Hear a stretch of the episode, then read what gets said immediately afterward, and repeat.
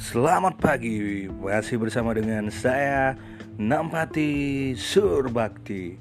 Oke kembali lagi di podcast saya.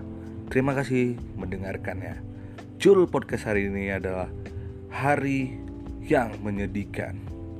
Banyak orang yang merasa hidupnya itu sendiri. Banyak yang berkecil hati Merasa dia tuh tidak bisa berbuat apa-apa Merasakan bosannya dia tuh orang yang paling buruk, paling lemah, paling susah, paling harus dikasihani di dunia. Padahal kenyataannya sebenarnya kita itu seharusnya harus open minded untuk diri kita sendiri. Pede merasa bahwasannya kita itu bisa orang yang paling mampu.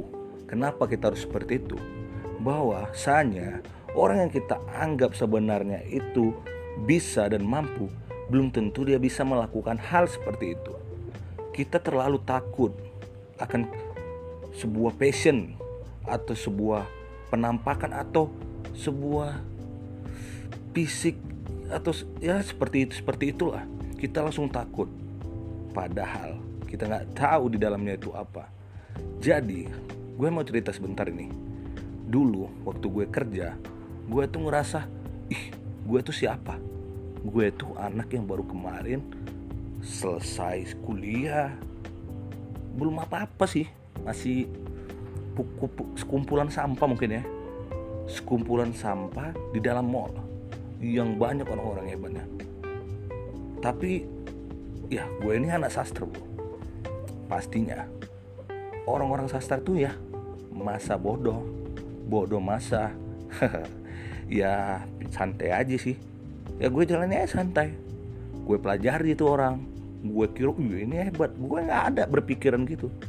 Tapi kalau mungkin lo, lo semua atau semua teman-teman yang ada di sini mikir gitu ya pasti mikirinnya seperti itu sih. Tapi ya bantai aja. Gue ikuti mainnya. Akhirnya gue juaranya. Ya gue pelajari gue lihat gue pede. Ya percaya diri aja ya kritis sih. Kritis di pada kritis pada waktu yang tepat sih. Ya buat teman-teman semua yang merasa bosannya aku tuh siapa? Apa yang bisa kulakukan? Jangan pernah mengecilkan hati kalian. Karena pisau yang paling tajam adalah diri kalian sendiri ketika tidak percaya diri. Jadi tetap just do it